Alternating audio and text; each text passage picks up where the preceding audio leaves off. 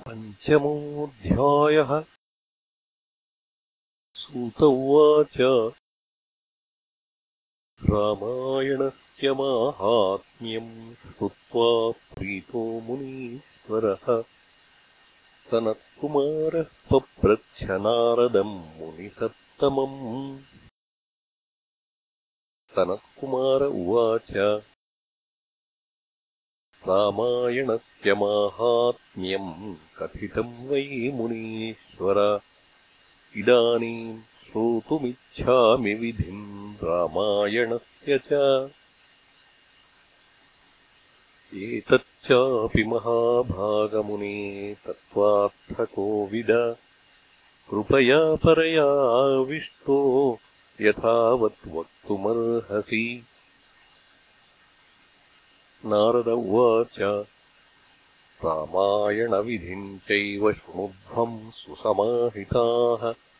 सर्वलोकेषु विख्यातम् स्वर्गमोक्षविवर्धनम्। विधानम् तस्य वक्ष्यामि शृणुध्वम् गरितम् मया। रामायणकथाम् कुर्वन् भक्तिभावेन भावितः येन चीर्णेन पापानाम् कोटिकोटिः प्रणश्यति चैत्रे माघे कार्तिके च पञ्चम्यामपि चारभेत्। सङ्कल्पम् तु ततः कुर्यात् स्वस्तिवाचनपूर्वकम्। नवस्वः सुश्रोतव्यम् रामायणकथामृतम्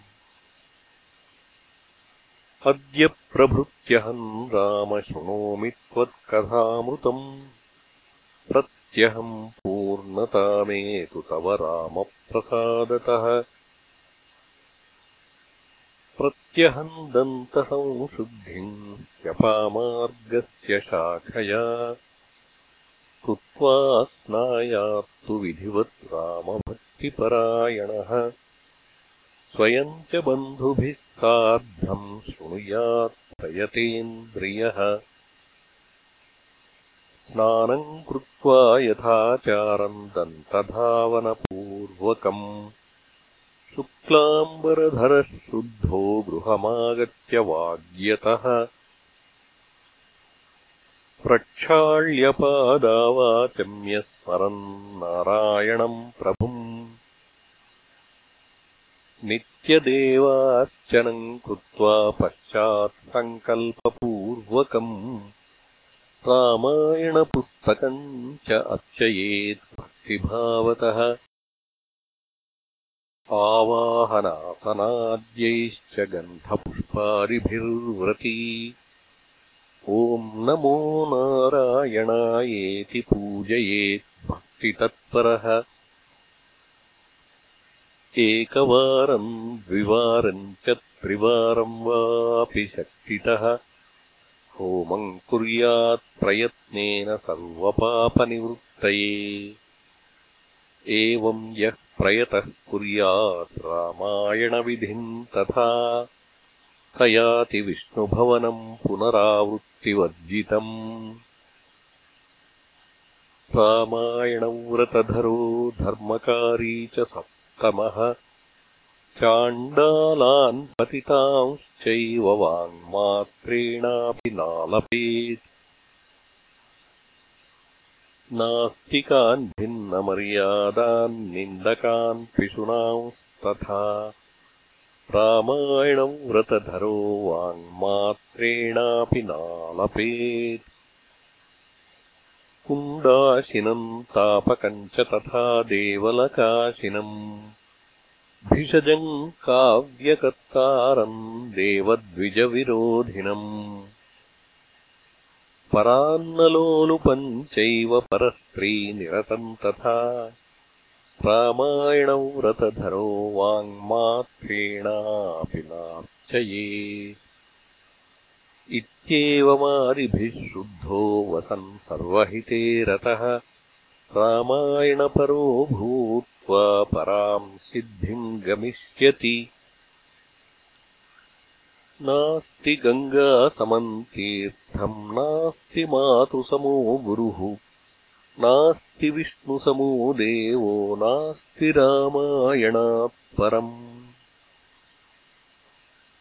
नास्ति वेदसमम् शास्त्रम् नास्ति शान्तिसमम् सुखम् नास्ति सूर्यसमम् ज्योतिः नास्ति रामायणात् परम्।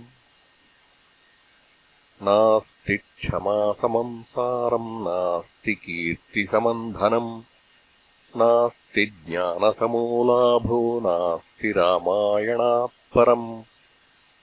तदन्ते वेदविदुषे गान्दद्याच्च सदक्षिणाम् रामायणपुस्तकम् च वस्त्राण्याभरणानि च रामायणपुस्तकम् यो वाचकाय प्रदापयेत्। स याति विष्णुभवनम् यत्र गत्वा न शोचति। नवाह्निकफलम् कर्तुः शृणुधर्मविदाम् वर। पञ्चम्यहनिचारभ्य रामायणकथामृतम् कथाश्रवणमात्रेण सर्वपापैः प्रमुच्यते यदि द्वयम् कृतम् तस्य पौण्डरीकफलम् लभेत् व्रतधारी तु श्रवणम् यः कुर्यात् स जितेन्द्रियः अश्वमेधस्य यज्ञस्य द्विगुणम् फलमश्नुते। चतुः श्रुतम् येन कथितम् मुनिसत्तमाः स लभेत्परमम् पुण्यम् अग्निष्टोमाष्टसम्भवम्। पञ्चकृत्वो व्रतमिदम् कृतम् येन महात्मना। अत्यग्निष्टोमजम् पुण्यम् द्विगुणम् प्राप्नुयान्नरः एवम् व्रतम् च षट्कृत्वः कुर्याद्यस्तु समाहितः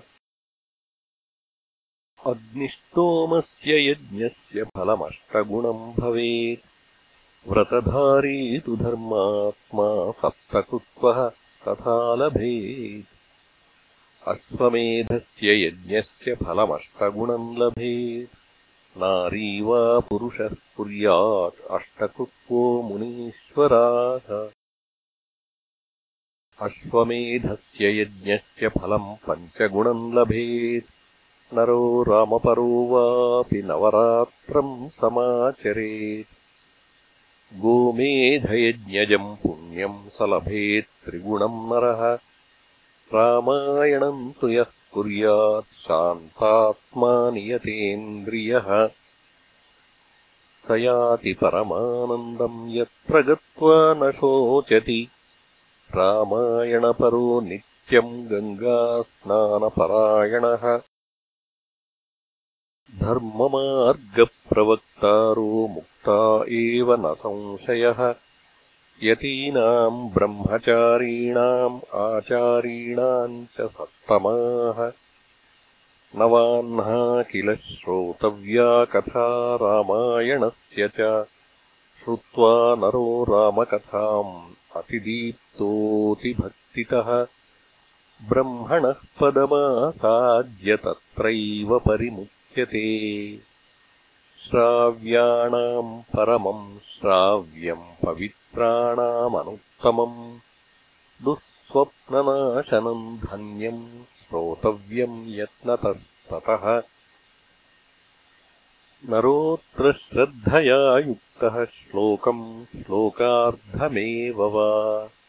पठते मुच्यते सद्यो ह्युपपातककोटिभिः सतामेव प्रयोक्तव्यम् गुह्यात् गुह्यतमम् यतः। वाचयेत् रामभावेन पुण्यक्षेत्रे च संसदि। ब्रह्मद्वेषरतानाम् च दम्भाचाररतात्मनाम्। लोकानाम् बकवृत्तीनाम् न ब्रूयादिदमुत्तमम् त्यक्तकामादिदोषाणाम् रामभक्तिरतात्मनाम् गुरुभक्तिरतानाम् च वक्तव्यम् मोक्षसाधनम्। सर्वदेवमयो रामः स्मृतश्चार्तिप्रणाशनः सद्भक्तवत्सलो देवो भक्त्या तुष्यति नान्यथा अवशेनापि यन्नाम्ना कीर्तितो वा स्मृतोऽपि वा विमुक्तपातकः सोऽपि परमम् पदमश्नुते संसारघोरकान्तारदावाग्निर्मधुसूदनः स्मर्तॄणाम् सर्वपापानि नाशयत्याशु सत्तमाः तदर्थकमिदम् पुण्यम् काव्यम् सुश्राव्यमुत्तमम्। श्रवणात्पठनाद्वापि सर्वपापविनाशकृत्। यस्य रामरसे प्रीतिः वर्तते भक्तिसंयुता। स एव कृतकृत्यश्च सर्वशास्त्रार्थको विदः तदर्जितम् तपः पुण्यम् तत्सत्यम् सफलम् द्विजाः। यदर्थे श्रवणे प्रीतिः अन्यथा न हि वर्तते। रामायणपराये तु रामनामपरायणाः। स एव कृतकृत्याश्च घोरे कलियुगे द्विजाः। नवम्यहनि शृण्वन्ति रामायणकथामृतम् ते कृतार्था महात्मानः तेभ्यो नित्यम् नमो नमः। रामनामैव नामैव नामैव मम जीवनम्। संसारविषयान्धानाम् नराणाम् पापकर्मणाम्। कलौ नास्त्येव नास्त्येव नास्त्येव गतिरन्यथा सूत उवाच। एवम् सनत्कुमारस्तु नारदेन महात्मना। सम्यक् प्रबोधितः सद्यः पराम् निर्वृतिमापः।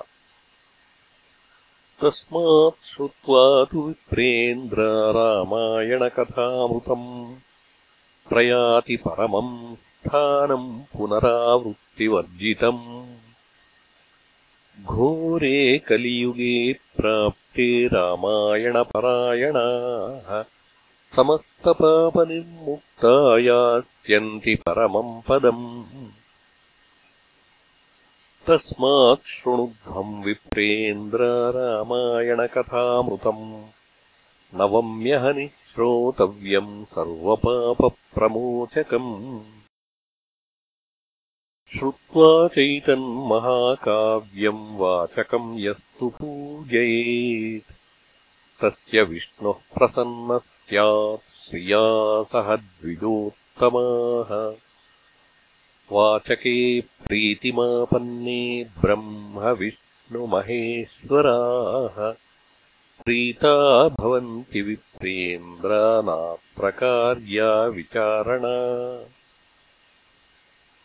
रामायणवाचकाय गावो वासांसि काञ्चनम् रामायणपुस्तकम् च दद्यात् वित्तानुसारतः। तस्य पुण्यफलम् वक्ष्ये शृणुध्वम् सुसमाहिताः। न बाधन्ते ग्रहास्तस्य भूतभेताळकादयः तस्यैव सर्वश्रेयांसि वर्धन्ते चरिते श्रुते न चाग्निर्बाधते तस्य चौरादेर्न भयम् तथा। कोटिजन्मार्जितैः पापैः सद्य एव विमुच्यते। सप्तवंशसमेतस्तु देहान्ते मोक्षमाप्नुयात् इत्येतद्वत्समाख्यातम् नारदेन प्रभाषितम्। सनत्कुमारमुनये पृच्छते भक्तितः पुरा। रामायणम् आदिकाव्यम् सर्ववेदार्थसम्मतम्। सर्वपापहरम् पुण्यम् सर्वदुःखनिबर्हणम् समस्तपुण्यफलदम् सर्वयज्ञफलप्रदम्। ये पठन्त्यत्र विबुधाः श्लोकम् श्लोकार्धमेव वा। न तेषाम् पापबन्धस्तु कदाचिदपि जायते। रामार्पितमिदम् पुण्यम् काव्यम् तु सर्वकामदम् भक्त्या शृण्वन्ति गायन्ति तेषाम् पुण्यफलम् शृणु। शतजन्मार्जितैः पापैः सद्य एव विमोचिताः। सहस्रकुलसंयुक्ताः प्रयान्ति परमम् पदम्। किम् तीर्थैः गोप्रदानैर्वा किम् तपोभिः किमध्वरैः अहन्यहनिरामस्य कीर्तनम् परिशृण्वताम्। चैत्रे माघे कार्तिके च रामायणकथामृतम्।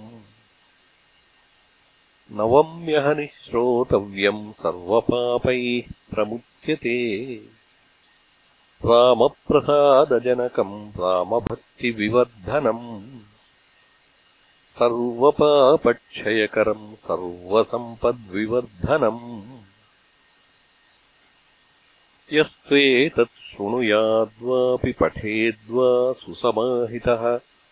सर्वपापविनिर्मुक् तो विष्णुलोकम् स गच्छति